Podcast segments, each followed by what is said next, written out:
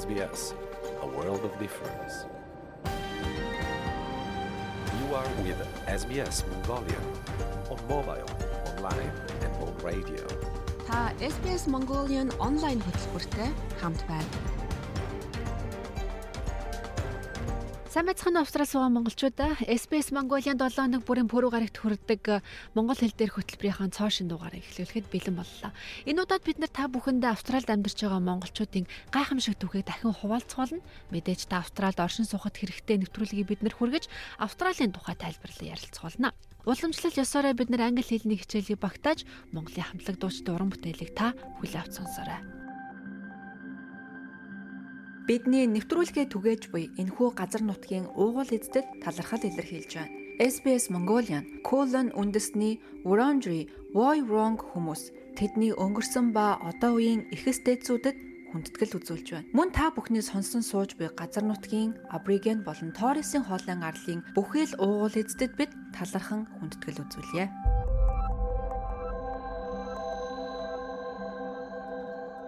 Амлсан ёсоор бид нар Австралид монголчуудын гайхалтай түүхийг хуваалцуулна. Юуны өмнө бид хэдхэн хоногийн өмнө Австралийн Sydney Opera House тоглолтоо хийсэн Монголын морин хуурын чуулгын тоглолтын эргэн тойролцох сурвалжлагыг та бүхэнд хүргэх болно. Австралчууд, монголчууд бид ч морин тайртай. Тэгвэл бидний хайртай морины сүүлээр хийсэн тэр гайхамшиг төгжим ямархан хөг ишгийг гаргаж бидний сэтгэлийг хэрхэн уяраадаг талаар та бүхэн сонсорой. Эх орондоо очиагүй олон монголчууд энэхүү тоглолтыг нулимс туслуулан хүлээн авч үзсэн юм а. Бидний дараагийн ярилцлагын булангаараа Австралид усан сэлэлтийн төрлөөр багаараа 3 удаа медаль хүртэж улсын авраг болсон Бат Ууна хүүтэй хийсэн ярилцлагыг та хүлээв сонсороо. Энэ ярилцлага Австралид ирээд удаагүй байгаа өсвөр насны охид хөвгүүдэд уран мөгнө гэдэгт итгэлтэй байна.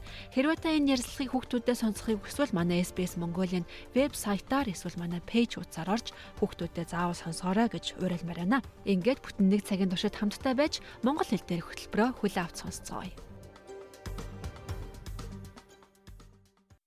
Та SBS Монгол нэвтрүүлэгтэй хамт байна. Тийм ээ. Энэ бол Сиднейн дүүрийн театрт Монголын морин хуурын чуулга бүрэн бүрэлдэхүүн нэрэ анх удаа тоглоход нийт үзэгчдийн илэрхийлж байгаа сэтгэл хөдлөл. 2023 оны 9-р сарын 14-ний өдөр Монголын сайхан орон тоглолт Сидней Опера Хауст болж 2200 орчим хүн морин хуур уртын дуу хөөмийн аяг шгийг шимтэн сонсож сонроо мэлааж сэтгэлээ зэнгүүллээ.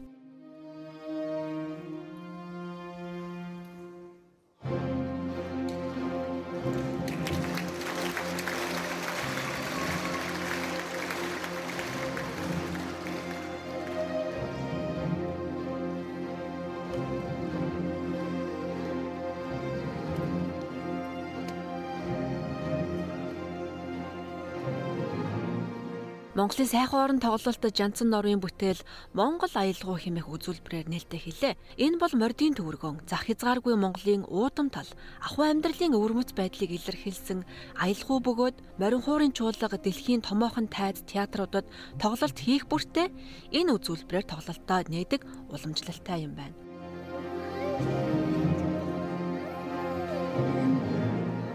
Энэхүү тоглолт болсон Sydney Opera House бол дэлхийн 7 гайхамшигын нэг. ЮНЕСКОгийн дэлхийн өвийн жагсаалтанд бүртгэгдсэн театр. Харин энд тэгшиглэж байгаа морин хуур бол мөн л ЮНЕСКОгийн хүн төрөлхтний аман болон соёлын шилдэг дээж хэмээн тунхагласан бидний үнэт өв билээ. Тэгвэл энэхүү соёлын гайхамшигт өвийг тэн энд тоглож байгаа морин хуурын чуулга бол Монгол улсын соёлын элчийн үүргийг гүйцэтгэдэг юм. Австралчууд монголчууд бидэн шиг морин тайртай хүмүүс бооцоо тавьж хурдан морины уралдаан үүсгэх нь Австралийн нэгэн соёл. Харин энэ хайртай мориныхон сүүлээр хийсэн хоёрхан жавхцтай морин хуур ямархан хөг их шиг гаргах нь тэдний хувьд тун өвөрмөц мэдрэмж байдаг. Би тоглолтыг үзэж сонирхож байсан Австрали хүмүүсийн сэтгэлдлийг сонслоо. За энэ дашрам дуртахад Австралийн шинэ өмнөд Уэльс мужийн парламентын дарга Бен Франклин, Австралийн гадаад хэргийн яамны тэргүүн туслах нарийн бичгийн дарга Гэри Ковенер үзэж сонирхсон. Мөн шинэ өмнөд Уэльс мужийн захирагч хадагтай Маргарет Безели болон гадаад улсуудаас Австралид улсад суудаг дипломат төлөөлөгчдийн газрын тэргүүнээр үзэж сонирхсон юм а. Yeah, I have a Morin Hall. Yeah, it was a gift. Yeah. Oh, well, we, we were funny. We booked tickets, and then the embassy invited us. We hope you are enjoying your visit. I've always loved Mongolia music. Yeah.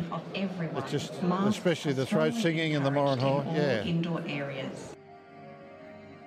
The music was just beautiful, absolutely amazing. I've heard a little bit before, but the listening to the musical instruments, it was just beautiful. They were so clever.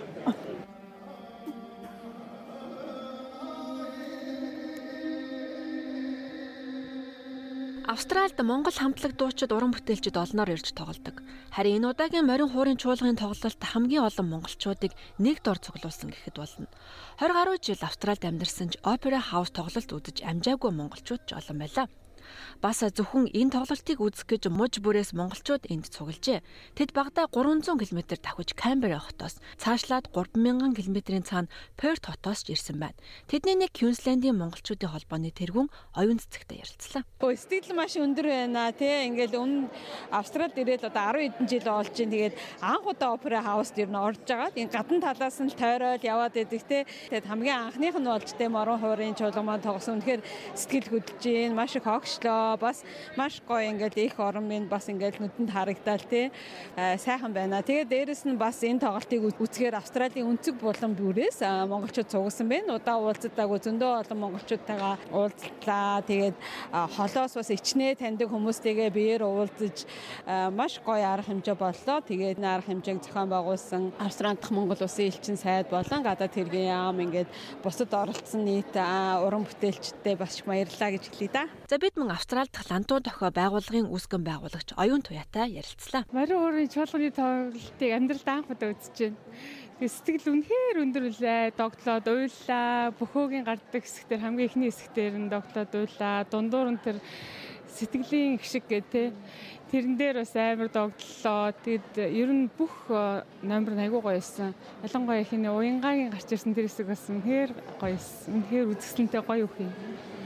Тэгэд үнэхээр ингээд нэг гоё ингээд нутаг орноос санаад ингээд нэг тийм гоё огшсон айгүй гоё мэдрэмжтэй л. Морин хурын чуулга үүсгэн байгуулагдсанаас хойш 31 жилийн хугацаанд 30 гаруй оронд 650 гаруй тоглолтыг хийсэн Монголоос сурталчилж байгаа соёлын элчим. Тэд Нью-Йорк хотноо нэгдсэн үндэсний байгууллагын төв байранд, Парис хотноо ЮНЕСКОгийн төв байранд, Оросын Большой театр, Хятадын үндэсний их театр буюу Сувдан театрт, Японы NHK телевизийн концертын их танхимд хуура татаж уртын дугаа ихшүүлж байсан. Сидней дуурийн театрт тавьсан тоглолттой ардын болон сонгодог 20 гаруй уран бүтээлийг толиулсан юм. Өрхөн хонгор салхи, ятганд зориулсан вариац, Чингисийн эр хоёр загал, 10 дуран сайхны киноны хөгжим зэрэг шилдэг бүтээлүүд игшиглэж, уртын дуучин Мөнхбаатар, Монгол улсын гавьяач жүжигчин Уянга, Монгол улсын гавьяач жүжигчин Гом Бочор нар дуулсан юм а. Бид Монгол улсын гавьяач жүжигчин Уянгатай цөөн хором ярилцлаа. Би яг Австрали твд энэ Сидней опера хауста анхудаага ирж дуулж байна. За манай дуучтаас бол одоо дуурийн дуучин амар төвшин маань ирж энд бүтэн одоо дуурьт дуулж исэн. Тэгээд хоёр дахь удаагийн уран бүтээлч нь бол одоо манай гом бочор гавьяач жүжигчин гом бочор бит хоёр болж байна. Тэгээд үнэхээр сэтгэл өндөр байна. Нэг тийм айгүй гоё гарахад л нэг өөрийн дуу хоолой бүр өөрт тийм таалагдсан гоё акустиктай тийм гоё одоо театрт дууллаа. Үнэхээр алтартаа театрт дуулах бол одоо мэдээж дуурийн дууч хүний мөрөөдөл өгдөг. Тэгээд нэгээр нэмэгдлээ дээ. Монголчуудыг хүлээж авч байгаа тэр уур амьсгал ер нь ямар байсан бэ? Маш гоё байсан. Би энэ артталт ингэж л бодчихлоо. Нөгөө айгүйх нутгаа сансан бах дандаа Монгол гоё аялгуунууд те дандаа Монгол гоё хөгжмнүүд нэг тийм хүний зүрх сэтгэлийг тийм одоо хөдөлгсөн тоглолт боллоо. Тэгээд зарим үзэгчд гэж юм гэсэн уйлуулах гэж авчирсан юм уу гэд. Тэгээд нилээд олон хүн ус нулимс гаргасан баха. Сайхан тоглолт боллоо.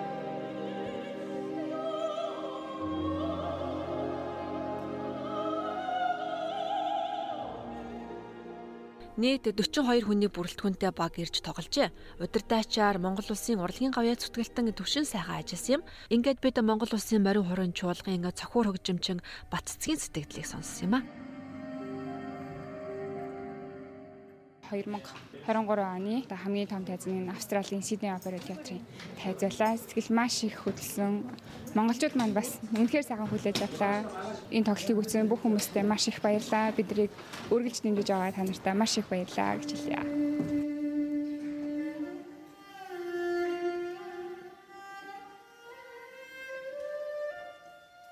Бас нэг сэтгэл догтлуулсан хэсэг яах аргагүй Австралид морин хуурийнхаа аялгыг түгээж байгаа уран бүтээлч бүх чулууны тоглолт байсан юм.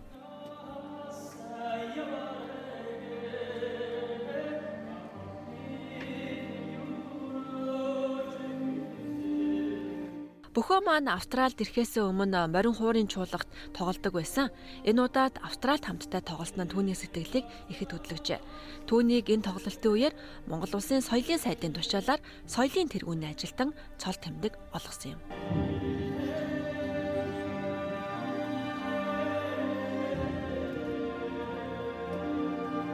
Сидней Опера Хауст жилд 11 сая гаруй зочид хүлээн авдаг. 1800 гаруй арга хэмжээ зохион байгуулдаг юм. Анхудаа морин хуурын бүрэн хэмжээний тоглолт болж байгаа нь энэ. Энэхүү тоглолтыг зохион байгуулахад гадаад харилцааны яам, Монгол улсаас Австралийн холбооны улсад суугаа элчин сайдын яам хамтран ажиллажээ. Энэ өдрүүдэд Монгол улсын гадаад харилцааны сайд Баццэг Австрали улсад албан ёсны айлчлал хийж байгаа түүний тоглолтын талаар сэтгэлдлийг бид сонслоо. За энэ 2600 хүний хамгийн том зааландны тоглолтыг хийж байгаа. Тэгээ энэ зааланд бол дүүрсэн байна. Өнөөдөр маш олон монголчууд Австрали улсын өнцөг булан бүрээс бас энэ цуглаж дээлээ өмсөж сайхан баяр ёслолын байдалтай өрөлцөн ирсэнд одоо засгийн газрын гишүүний хувьд маш их баяртай байна. Тэгээд үнэхээр энд цугласан монголчуудын сэтгэл их хөдөлж байна. Эх орноо сансан хүмүүсийн бас их догдолж байгаа энэ халуун дулаан уур амьсгалыг мэдрэх бас маш сайхан байна. Тэгээд бид нар урлагаараа бас Монгол улсаа сурчилж байгаа том ажил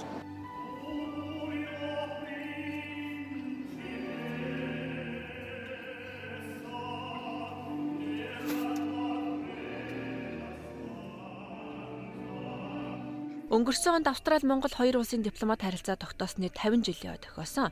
Харин энэ жил Сиднейн Дүүрийн театрын 50 жилийн болж байна. Энэ тэгшэн жилүүдийн давхцал дээр морин хуурын чуулга инхүү бүрэн бүрэлдэхүүнээрээ Австрал тоглолоо.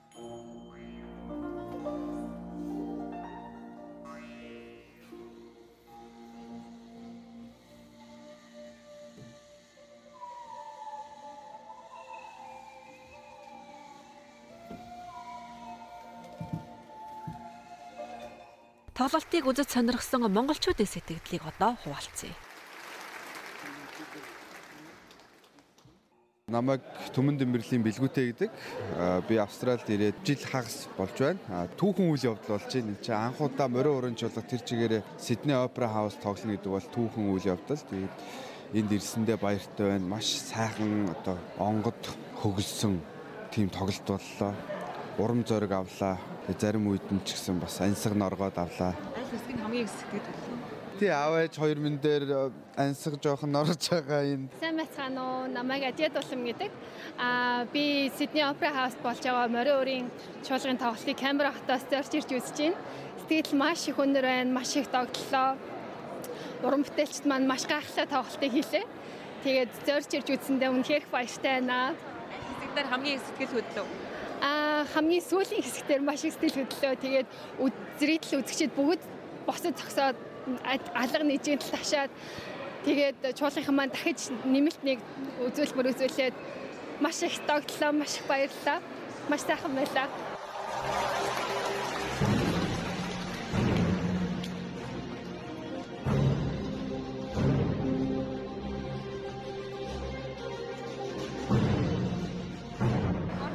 Санддаг вэ? Энэ дээрээ тэр удаж байгаа байна. Аа, би энэ дээрээ одоо 6 жил болж байна. Тэгээд 2 жилийн өмнө Монгол бүтчиад ээж автагаа олчаад ирсэн. Ер нь бол Монголоо одоо сургууль ажил төрлөө дуусгаад Монголоо руугаа явах бодолтой. Маш их сандаг мэдээж.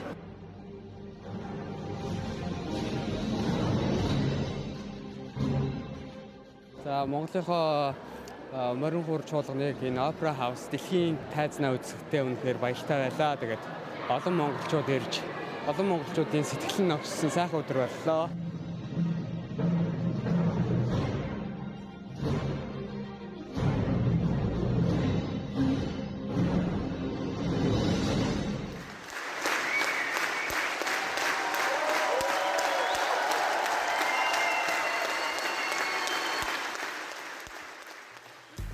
SPS Монгол хэлээр бидний нэвтрүүлгийг Facebook сошиал хуудасаар бусдаа хуваалцаарай.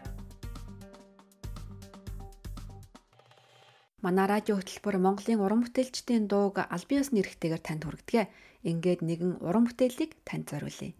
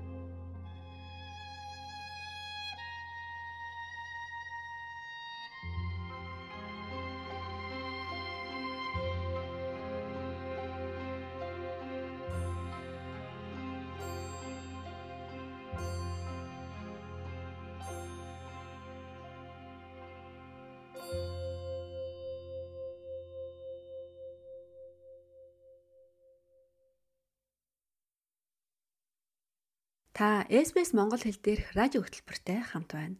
Та SBS Монгол нэвтрүүлэгтэй хамт байна. За сайн байцгаана уу? SBS Mongolia радиогийн 7 хоног бүр хүрдэг манай ярилцлага эхлэхэд болон боллоо. Энэ удаад бид нар монголчуудаа бахархуулж байгаа нэгэн хүүтэй ярилцахаар болсон юм. Хэдхэн хоногийн өмнө Australian Pool Rescue Championship 2023 болсон. Энэ тэмцээнд монгол хүн маш амжилттай оролцсон. Энэ бол Сидней хотод амьдардаг Батууна гэдэг үе юм. Тэмцээний ганцааржилсан 3 багийн 5 төрөлд сэлж бүх төрөлдөө өөрийн хувийн амжилтаа ахиулсан.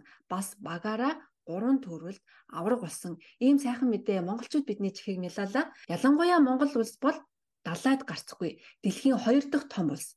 Үнэн дээр бид бол австралчуудыг усанд тэмж гарамгаа хүмүүс биш л те.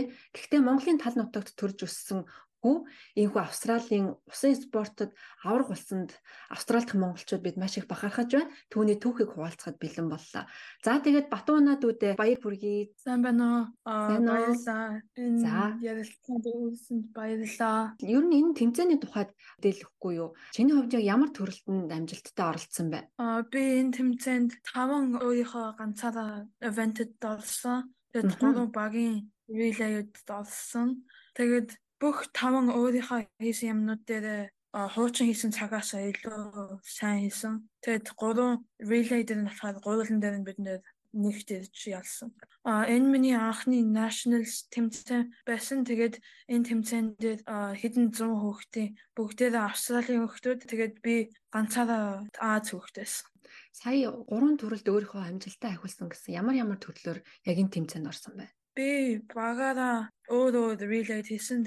Тэрний нэг нь болохоор obstacle course гэдэг хоёр хан шиг юмны доогоор 50 м сэлдэг. Хоёр дахь нь болохоор medley relay гэдэг. Тэр нь болохоор би алтаа хүн төлцөн ингээд 50 сэлдэг. Тэгээд гурав дахь нь болохоор 25 м би нуруунд дээр brick шиг юм тавьсан хүнд юм үйлцэн явдаг.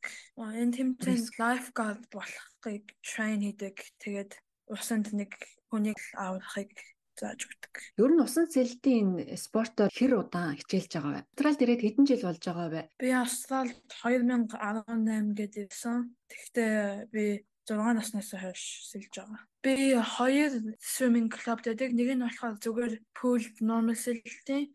Тэгээд хоёр дахь нь болохоор ингээд Nippers гэдэг ийм surf life rescue гэдэг South Mirrabel гэдэг багт би сэлдэг. Аа тэгэхээр Монголд байхдаа сэлдэг байсан гэсэн үг байна тий. Аа Vista Swimming Club гэдэг нэг клуб сэлдэг байсан. Тэгвэл багасаа усан сэлсэн хөлт байна. Энэ тэмцээн бол бас усанд хүнийг аврах сэлэлт гэдгээрээ бас нэлээд онцлогтой байд юм байна. Сэлэлтийн ер нь ямар ямар төрлүүд байдаг юм бэ? Чи аль төрлөөр нь хичээлдэг вэ? Аа би pool normal сэлэлт хийдэг. Аа хоёр дахь нь болохоор surf swim гэдэг. Тэр нь болохоор далайнд том давлгаатай сэлдэг. Тэгээд гурав дахь нь болохоор open water гээд зүгээр нууранд ингээд давлахаагүй гэхдээ их усанд сэлдэг төрөл бас байдаг. Өмнө нь усан сэлэлтээрээ ямар ямар тэмцээнүүдэд орж исэн бэ? Бас ямар амжилт гаргаж исэн бэ? Би Монголд усан сэлэлтээр хэдэн тэмцээнд л ороод тийм амар сайн байгаагүй. Тэгэхдээ энэ дэснээс Австрали дэснээс хойш зөндөө тэмцээнд орж тэгээд миний хамгийн том амжилт нь бол мужийн аврагт нь бронз медаль Баяр хүргэе дахиад. Уна бас өөр олон төрлийн спортоор хичээлдэг гэж байсан. Өөр ямар ямар спортоор хичээлдэг вэ? Спорт чамд ямар сайн зүйлүүдийг авчирсан бэ? Аа, миний эхний спорт swimming тэгээд swimming ихснээс хойш би шатар теннис хоёр хийдэг байсан. Тэгэхээр одоо жил хагасан өмнөөс эхлээд би саксанд амар ороод байгаа. Спорт надад 3 юм өгсөн. Нэг нь болохоор би илүү найзуудтай болсон. Хоёр дахь нь болохоор би ингээд тэмцээн явахад жишээлбэл сая Gold Coast шиг ингээд би өөр газрууд явж explore хийж үзэж болдог. Тэгээд гурав дахь нь болохоор спорт сайн сургууль руу оруулсан. Тэгэхээр сайн сургуульд ороход спортоор хичээлдэг байсан нь чамд ямар боломж авчирсан бэ? Тэр нь бас орохын тулд мэдээж гур шалгалт өгөх хэрэгтэй байдаг бах тийм ээ. Аа би Randwick Boys High School-ийн Gifted and Talented Education Program сурдаг. Тэрэнд би орох гэж 6 дугаар ангийн дунд тавиар би хоёр шаттай шалгалт өгсөн. Тэрний эхний шалгалт нь болохоор Math English хэлийн шалгалт байсан. Тэгээд хоёр дахь шатанд нь болохоор тэр эхний шатын амжилттай олсон хүүхдүүдийг хоёр захиралтай ярилцлаганд орсон. Тэгэд би тэр хоёр дахь шат руу очсон чинь хоёр захирал нь миний эхний шатын English-ийн оноо нь амар сайн байсан гэж магтсан. Тэгээд тэр үед бас би энэ бүх спортын achievement-тэй хэлж тэр надад бас илүү тусалсан гэж бодож байна. Тэгэхээр угнаа цаашдаа ер нь спортоор үргэлжлүүлэн хичээлэх, за магадгүй мэрэгжлийн тамирчин болох талаар ер нь бодож үзсэн үү? Swimming болохоор угийн миний жоохносоо хийжсэн спорт болохоор надаа ингэж achievement-д хийвэл хэрэгтэй гэж боддог. Гэхдээ би өөр хавьд саксын дамд устаагаад болохоор тэр хоёрын айлын том болоод арай хийхин шийдэж чадахгүй байгаа. Тэгэхээр унагийн хувьд бол маш завгүй байдаг болтой юм аа. Чиний нэг өдрийн хуваар ер нь ямар төлөвлөгөөтэй гардаг вэ? Жишээлбэл чөлөө цагаараа юу хийдэг вэ? Аа, миний ажлын үедэр бол өглөө 5:30 гэж эхэлдэг. Би тэр үед болохоор school swimming-тэй бэлтгэлтэй байдаг. Тэгээ тэрнийхээ дараа би 8:50-аас 3.15 хүртэл хичээл сурдаг. Тэгээд тэрнийхээ дараа би бас ахаад swimming school саксны бэлтгэл хийдэг. Тэгээд хагасаа өдөр болохоор миний хамгийн завгүй өдөр нь ягаад гэвэл би өглөө 5:30 гээд swimmingтэй байдаг. Тэгээд тэрнийхээ дараа би өдөржин локал саксны тэмцээн дээр тусалж шүүгч идэг. Аа тэгээд тэр өдөр би бас өөрийнхөө саксны тэмцээндээ тоглодог. Тэгэл орой хүртэл тэнд шүүгч байгаа л болчдөг. Тэгвэл бүтэн сайн өдөр болохоор би ээжтэй хамт hiking school running хийхгүй бол би найзтайгаас тоглоом моглоом тоглох дуртай. Тэгэхээр энэ их хичээл тэгээд бэлтгэлийн хажуугаар бас ажил хийдэг бахан тий. Тэгэхээр ямар ажил хийдэг тухайгаа ярьж болох уу? Аа би бүх хагасаа өдөр заримдаа 5 дахь өдөр саксны шүүгч хийдэг. Ингээд local саксны геймүүдийг хөөхтүүдийн ингээд геймүүдийг шүүгч хийдэг. Тэгэд би энэ жилнээс хойш би энэ ажлыг хийж байна туслагч шүүгч байж байгаад одоо өөрөө ганцаар байдаг болцсон. Тэгээ тэрнийхээ хажууд бас би заримдаа заавтай байвал ойрхон ингээд том спортинг event дээр би volunteer хийдэг. Жишээлбэл энэний нэг нь энэ жил том swimming тэмцээн болж байхад би тэрэнд ингээд баскетбол гэж юм хийсэн. Тэр нь болохоор ингээд хувцс мовцын авч өөр газар руу авчиж тавьсан. Ягаад volunteer ажил хийдэг бол би том алдарттай тамирчтай уулздаг. Тэгээд бас би хажууталтай нь бас тэр тэмцээн мэмцэн үзэх дуртай байдаг. Уна чиний яг энэ ярилцлага Монголын олон яг ийм өсвөр насны хүүхдүүдэд маш их урам зориг өгсөн. Хэрвээ хичээвэл бид нэр Австралийн мужийн цаашлаад улсын аврагч болох боломж Монгол хүүхдүүдэд байгаа юм байна гэдгийг бас харуулсан маш гайхалтай түүх боллоо гэж би хувьдаа бодож байна. Тэгээд унаа чи Монгол хөвгүүдтэй, Монгол охтуудтай ер нь юу гэж хэлмээр байна? ингээд жоохносоо хийсэн эхэлсэн юм аа бити quittage бол ингээд гол хүстэл сайн бэлтгэл хийвэл сайн үр дүн гарна.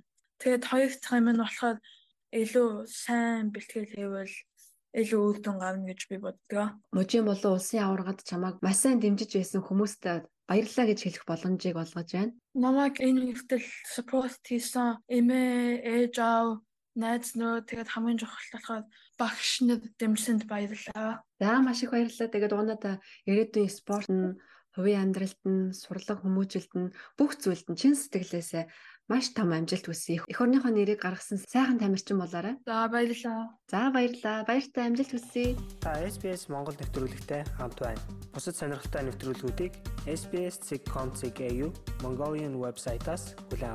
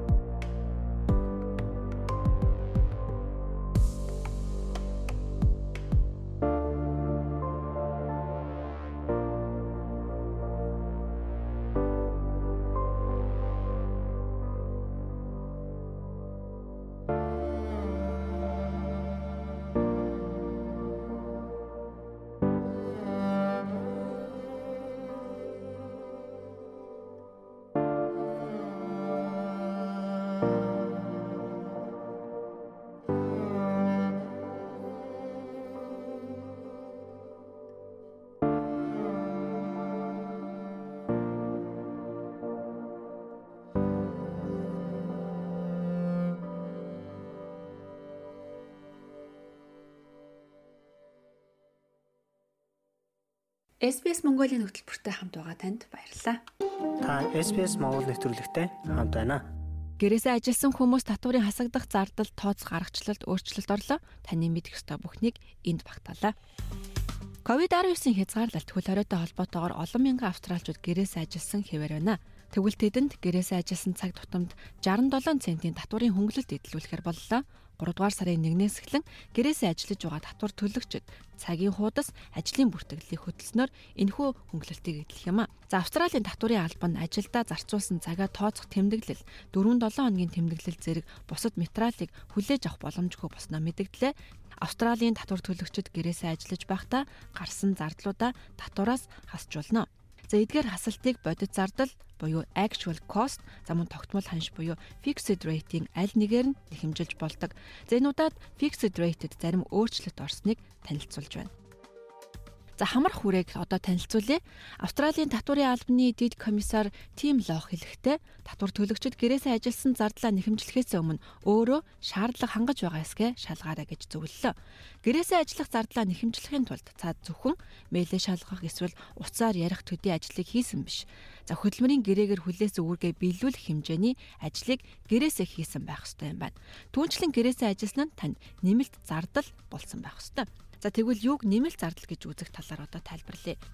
Нэмэлт зардал гэдэгт халаалт, хөргөлт, гэрэлтүүлгийн цахилгаан, газ, гэрийн болон гар утасны интернет, дата зардал, гар утасны болон гэрийн утасны зардал, бичиг хэргийн зардал зэрэг багтах юм байна.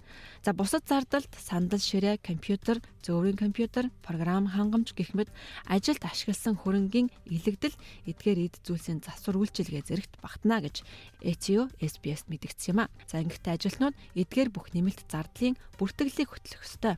Тэгвэл хасагдах зардал тооцогдгүй зүрэлт кофе, цай, гэр ахуйн нийтлэг хэрэгсэл, iPad, ширээ, онлайн сургалт зэрэг хүүхдийнхээ боловсралтай холбоотой зардлуудыг за мөн ажил олгогчдын өгсөн эд зүйлсийг оруулан тооцож болохгүй. За тэгвэл ямар өөрчлөлт орсон бэ? Татвар төлөгчид одоо энэхүү шинжилсэн тогтмол зардлын аргын дагуу гэрээсээ ажилласан цаг тутамдаа 67 центийг нэхэмжлэх боломжтой болж байна. Өмнө нь 52 цент байсан юм а. Шинээр тогтоосон тариф нь цахилгаан хий утасны хэрэглээ, интернет бичгийн хэрэгсэл, компьютерийн хэрэглээний зардал зэрэг нэмэлт зардлыг багтаасан гэж тайлбарлаж байна. За харин технологийн эд зүйлс, албан тасалгааны тавилга зэрэг татвар төлөгчдөд илүү их зардал авчирдаг зүйлс нь энэхүү шинжилсэн хувь хэмжээнд оруулаагүй тул тусад нь нэхэмжлэх шаардлагатай гэж нэмж хэллээ. За энэхүү шинжилсэн өөрчлөлтүүд нь 2022 оны 7 дугаар сарын 1-ээс хэрэгжиж эхлэх бөгөөд татвар төлөгчид дараагийн буюу 2022-оос 23 оны татварын тайлангаа мэдүүлэхдээ энэ аргыг ашиглах боломжтой. Гэрээсээ ажиллаж байгаа хүмүүсийн өөртөө цагийн бүртэл хөтлөх хэрэгтэй гэж дээр ярьсан. За тэгвэл энэ бүртгэлийг хэрхэн хийх талаар ярилцъя. Австралийн татварын албан 2023 оны 3 дугаар сарын 1-ээс эхлэн шинжилсэн тогтмол зардлын аргын дагуу тооцоололж за 4-7 хоногийн ажилчдын тэмдэглэл буюу ажлын цагаа тооцоолох эсвэл ижил төстэй баримт бичгүүдийг хүлээж авахгүй гэдгээ мэдэгдсэн. За ажилтнууд өөрийн ажилласан цагаа тэмдэглэл хийж хөтлөх ёстой. Энэ нь бүтэн жилийн туршид ажил олгогч эсвэл бизнес системээс ирсэн ажлын хуваарийн дагуу цаг хуваараа бүртгэх ёстой юм байна. За харин энэ жил бүртгэл хөтлөөгүй гэрээсээ ажиллаж байгаа татвар төлөгчдийн хувьд за шилжилтийн зохицуултыг хийсэн байна. Ингээд 22 оны 7 дугаар сарын 1-ээс 23 оны 2 дугаар сарын 28-ны хооронд гэрээсээ ажилласан нийт цагийн бүртгэлийг хүлээж авах боломжтой. За ингэхдээ дээр хэлсэн 4-7 хоногийн тэмдэглэлэгч авахар болжээ. За энэ бол fixed rate-д орсон өөрчлөлт. Харин actual cost-ing аргад ямар нэг өөрчлөлт ороогүй гэж ATO мэдэгдлээ. За та бүртгэл хөтлөختөө гэрээсээ ажиллахтаа гаргасан бүх зардлаа нотлох баримтуудын хамт оруулах ёстой. Үүнд танд байгаа бүх receipt bills болон материалуудыг хамруулах юм байна. За ингэхдээ эдгээр зардлуудынхаа ажилтай холбоотой болон хувийн хэсгийг нь хэрхэн тооцсон тухайга мөн бүртгэлтөө нарийн тооцож оруулах ёстой гинэ. За мөн анхаарах ёстой нэг зүйл бол ажил олгогчоос аль хэдийн төлсөн эсвэл нөхөн төлөгдсөн зардлыг энэхүү хасагдах зардалд оруулж нэхэмжилж болохгүй гэдгийг анхаарах нь зүйтэй. За мөн тайлан мэдүүлж байгаа ажилчид чухам ямар аргаар хасагдах зардлаа тооцсноос үл хамааран 300 доллараас дээш үнэтэй эд хөрөнгийг бүтэн үнийг шууд нэхэмжлэж болохгүй гэж ЭТО мэдэгдэж байна. За үүнийг хэрэгэлсэн жилийн илэгдлийн зардал гэж тооцож орох ёстой гэж тайлбарллаа.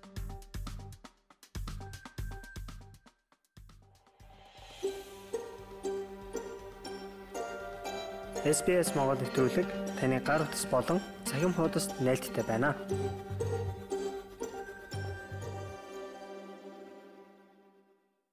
Та SBS Монгол нэвтрүүлэгтэй хамт байна.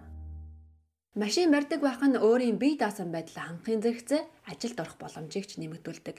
Гэхдээ үүний хажуугаар замын хөдөлгөөний аюулгүй байдлыг хангах асар том үүрэг бас хариуцлага хүлээх ёстой.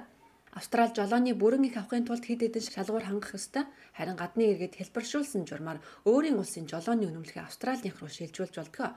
Гэхдээ энэ нь тухайн хүний нөхцөл байдлаас хамааран өөр өөр шалгууртай байдаг юм байна. Ингээд Австралид хэрхэн жолооны үнэмлэх авах тухай мэдээллийг Австрал Монгол мэрэгчлэтнүүдийн зөвлөгөөтэй хамт танд хүргье.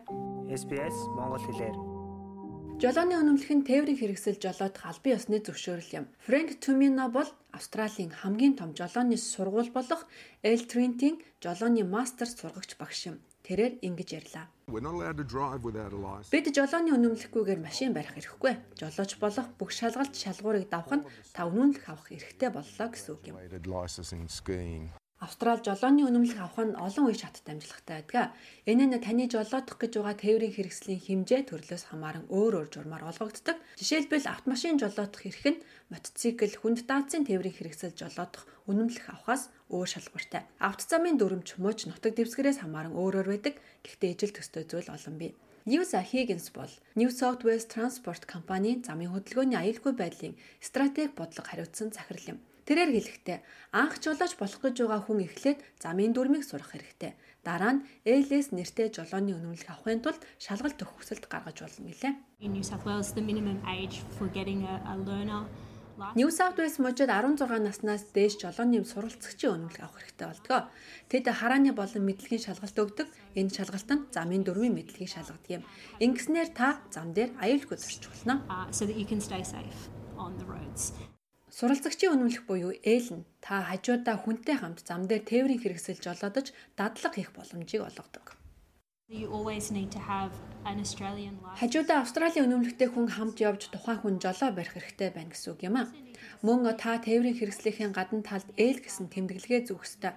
Жолоо барихаас өмнө согтууруулах хүн давууж болохгүй. Таны цусан дах спиртийн концентрац тэг байх ёстой бөгөөд хурдны хязгаарлалттайгаар явна. Бас гар утас хэрэглэхийг хориглох зэрэг бусад дүрм шаардлагууд тавигддаг. Mobile phone use is banned when you're uh, on your L's. Анхлан жолооны үнэмлэх авах гэж байгаа суралцагчдын наснаас хамаарч хэр удаан ээл үнэмлэхтэй байх нь шийдэгддэг. Тэд ганцаараа жолоотохоос өмнө туршилтын буюу PS гэж нэрлэгддэг үнэмлэх авдаг. Энэ үнэмлэхийг авахын тулд мөн жолооны практик шалгалт өгөх ёстой. Фрэнк Тумино ингэж ярьлаа. You can Та dry төлбөртэй жолооны хичээлүүдэд сууж болно. Мэргэжлийн сурагч багш нар жолоодлогын сайн суур тавьж зөв техникт суралцахад туслах болно. Ийм сайн суур дээр тулгуурлан хамгийн чухал зүйлсийг танд заах болно. Харин одоо Австралид урт болон төр хугацаагаар амьдрах гэж ирсэн гадны хүмүүс хэрхэн жолооны үнэмлэх авах тухайд төвлөрөн ярилцъя. Та өөрийн улсдаа жолооны үнэмлэхээ авчихсан байсан бол түүнийг Австралийн үнэмлэх рүү шилжүүлж болдог. Льюис Хэггинс хэлэхдээ ингэж үнэмлэх шилжүүлэх нь л мөн тухайн хүний нөхцөл байдлаас хамаардаг гинэ. Энэ нь та аль улсаас ирснээс хамаардаг. Тодорхойлбол таны үнэмлэхийг хаанаас олгосон, хэр удаан эзэмшиж байгаа, таны ирсэн газар жолооны ямар систем үйлчилдэг зэргээс хамаардаг. Австралийн автозам олны хилдгээр буруу гарын дүрмтэй буюу Монголынхоос эсрэг урсгалаараа явдаг.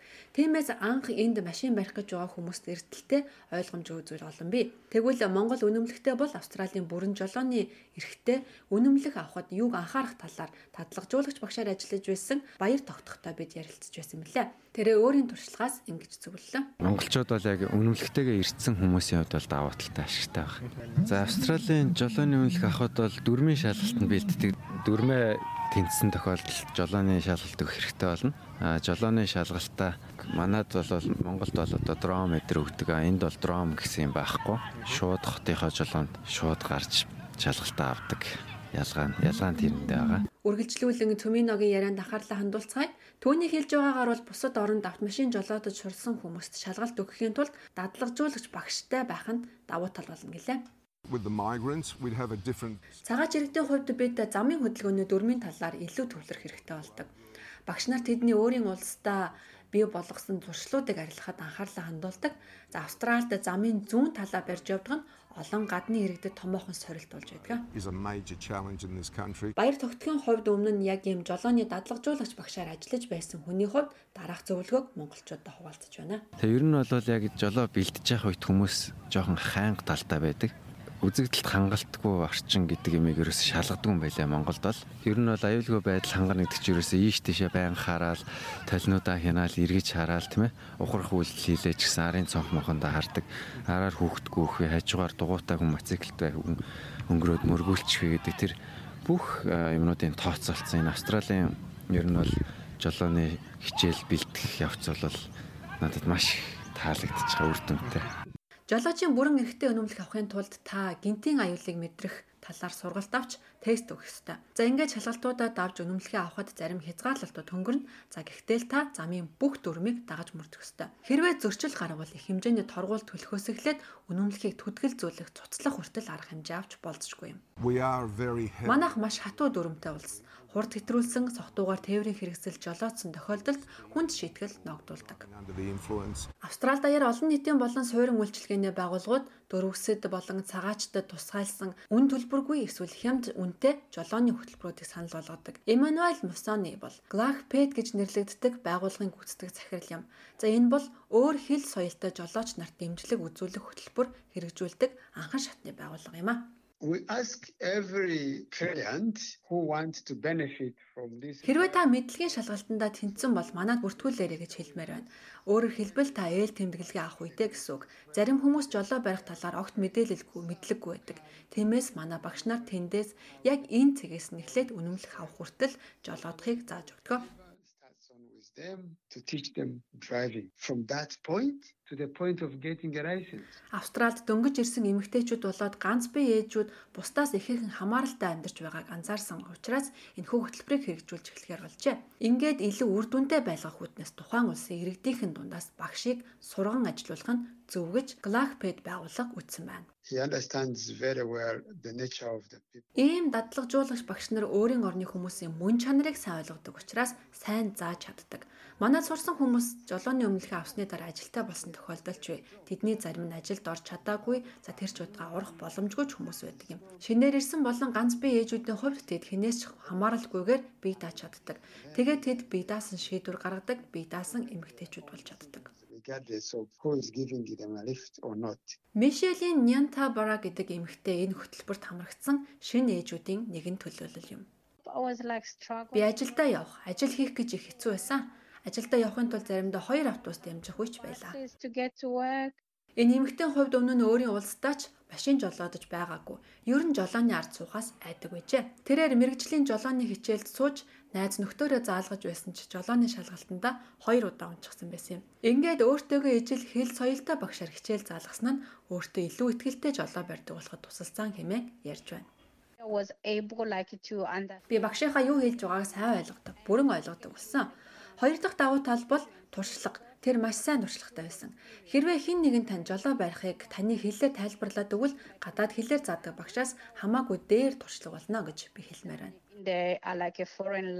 Үнэмлэхтэй болсон нь түүний болоод хүүгийнх нь амьдралыг өөрчилсөн гэж тэрээр ярьж байна. Now I can go wherever I have to go because Одоо би хүссэн газартаа явж чаддаг болсон. Учир нь би дөнгөж хөлд орж байгаа жаахан хүүхэдтэй. Өмнө нь би хүүхдээ салхилуулах цэцэрлэг төрөлөө очихын тулд автобусанд суух хэвээр гадаа хүлээн хэцүү шүү дээ. Гэхдээ одоо би хувийн машинтай. Ажилдаа очиход амархан, хүүгээ гаргахад бүр ч амархан. Энэ нь амьдралыг хялбар болгож байна. Ялангуяа хүүхэдтэй эмэгтэйн хувьд. especially I think for a woman who has um kids. Австралид жолооны үнэмлэхтэй байна гэдэг нь зөвхөн автомашин барих эрхээр зогсохгүй олон зүйлд хэрэгтэй баримт бичиг болдог тухай баяр тогтох ярьлаа. За Австралийн жолооны өмнөх авснаар одоо жишээ нь хэрвээ өөрийнхөө нэр дээр байр шилжүүлж ингээ өөрөө байр түрээслэе гэх юм бол Австралийн жолооны өмнөхийг асуудаг. Нэгдүгээр давуу тал бол тэр байна. Хоёрдугаарт Австралийн жолооны өмнөхтэй тохиолдол гадаад паспорт юм уу, Монгол үнэмлэх юм уу, оюутны үнэмлэх төр ерөөс шаардлагагүй. Хаа явсан газараа жолооны үнэмлэхээ үзүүлээ явхад бол ажил үйлс арай хурдан бүтэх хандлагатай харагдаж харагдаад байдаг. За тэгээд жолооны өмнөхтэй болцсон хүн бол одоо Б плантай болчихж байгаа гэсэн үг. Яагаад тэгэхээр одоо энд бол ийм хүргэлтийн онлайн систем их хөгжсөн болохоор хүргэлтийн ийм ажлууд маш их байдаг. Хоол хүрэх хүргэн одоо шуудан хүргэн одоо хувийн машинаараа одоо тийм хүргэлтэнд явж болж байна, таксинд явж болж байна. Тэгээ ер нь бол жолооны өмнөхтэй хүн бол үндсэн одоо өөр ажил хийдэг байлаа ч гэсэн хажуугаар нь өөр давхар яг машинтайгаа жолооны өмнөхөө ашиглаад давхар орлого олох боломж нь бас нэгдэдэг. Бидний хүссэн газраа сонсоорой. SBS радиогийн аппликейшнийг SBS.com.cg-ийн радио апп хаягаар татаж аваарай.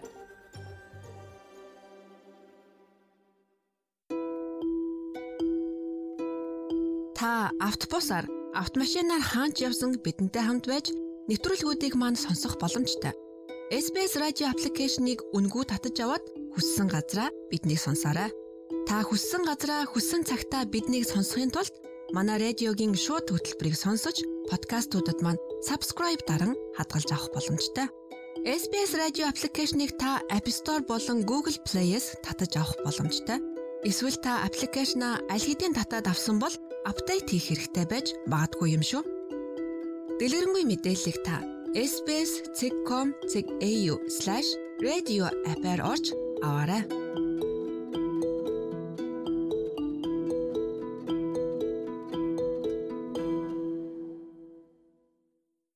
Та SBS Монгол нэвтрүүлэгтэй хамт байна. Энэ зун эхэлснээс хойш Австралийн далайн эргээр усанд живж амиа алдсан тохиолдол илт нэмэгдэжээ. Тэр дундаа цагаачлан ирсэн гадны хүмүүс нас барсан хүний дийлэн хувийг эзлэж байгаа нь албаныхны санааг зовоож эхэллээ. Энэ дунд нас биеийн төрсэн ирчүүд ч олноор амиа алдаж байгааг тэд онцолж байна. Зуны улирал дөнгөж эхлэж байхад шинэ өмнөд Уэлс мужийн ерөнхийсээ Доминит усны аюулгүй байдлын талаар ийм мессеж өгсөн. Go out, enjoy the sunshine, uh, enjoy the best beach. Гарч наран дээж дэлхийн хамгийн гайхалтай далайн эргээр зугаалаарай Гэхдээ аюулгүй байдлаа хангахаа мартаж болохгүй. Анхааруулах шаруулаан тугуудын хооронд усан цэлэх хэрвээ та завин дээр явж байгаа бол аврах хантаа зөмсөөрэй. Зуны улиралд бидний аюулгүй байдлыг хангах бүхий л зүйлсийг та хийх хэрэгтэй шүү. Period. Энэ зунд гэхэд одоогоор 56 хүн усанд живж амьнасаа алдсан байна. Энэ нь усны аюулгүй байдлын мэдээллийг илүү өргөн хүртээмжтэй өгөх хэрэгтэй гэсэн ойлголтыг төрүүлж байна.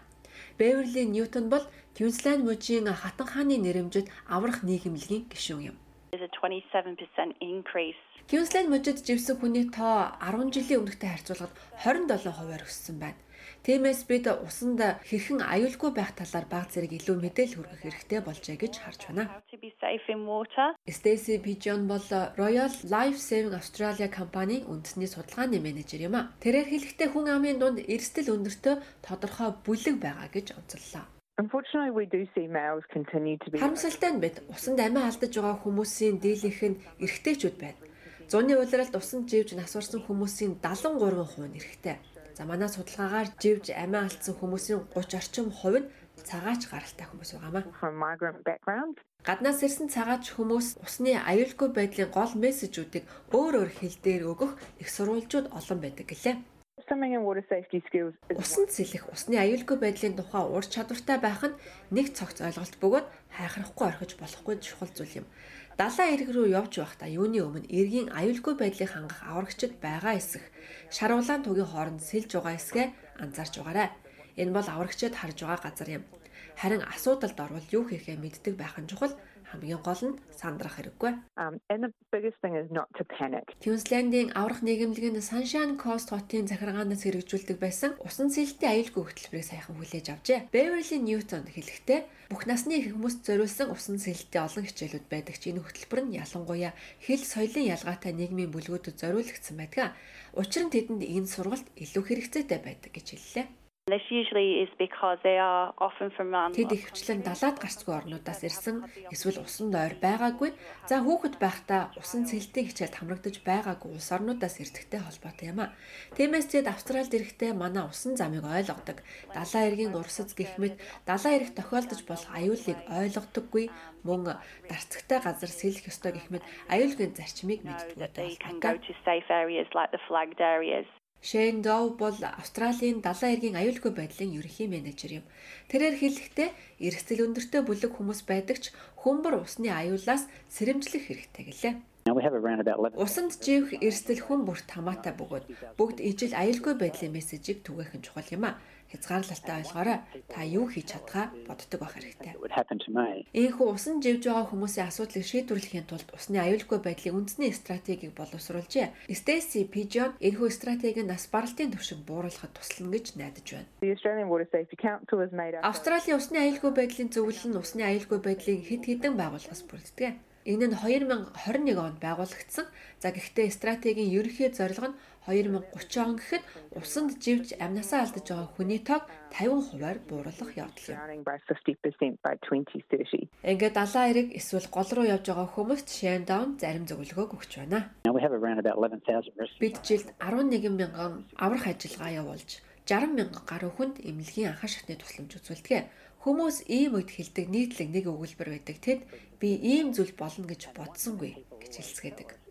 I didn't think it would happen to me. Усанд орж байгаа хүн эхлээд захим ертөнцөөс өөрт хэрэгтэй мэдээлэлээ авсан байх хэрэгтэй гинэ.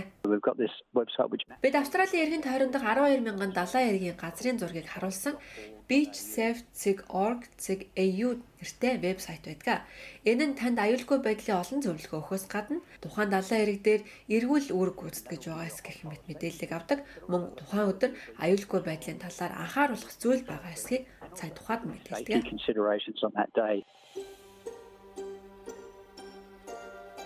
SBS Монгол нэвтрүүлэг таны гар утас болон цахим хуудасд нийлдэхтэй байна.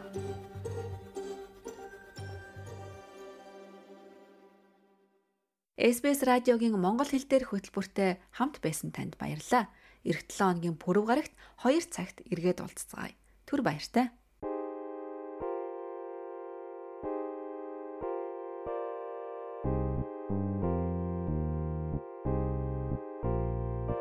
Тох тухтай ажиллана, бог тухтай зайчлан, бодлуудаа зайчлан, цаасан шувуу хайчлан, алтан хундран, дус дундран, ном судранд, бодол ундран, лаа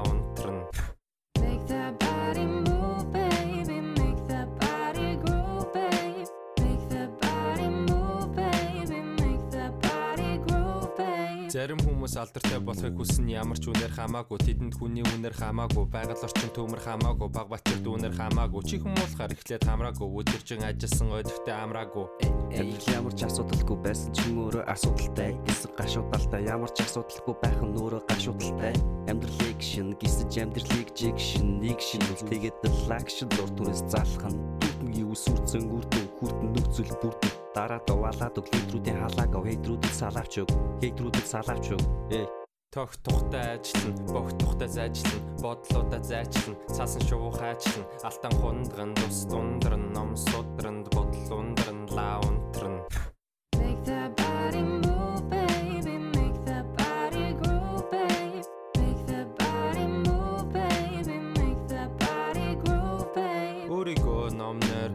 Сексэр цэнэглэн, номхон гэхдээ нэрэндээ секс гэж ирэглэн. Миний рамыг уншаад үгийн сүжээ таахгаж тэнэглэн. Зарим уулах пистанаар хүмүүс тийм заах гэж ялэглэн. Ман чи жаахан сэрэглэн. Лог сэтгэлийг хэрэглэн. Токсик харилцааг цэвэрлэн. Өөрийн хувь заяаг өөрөө мэрэглэн. Цэг тавиад цошин мөрөглөн. Тох тухтай ажиллана, бог тухтай зайчлан, бодлуудаа зайчлан, цаасан шувуу хайчлан, алтан хундран, дус дундран, ном судранд, бодол ундран, лаа унтран.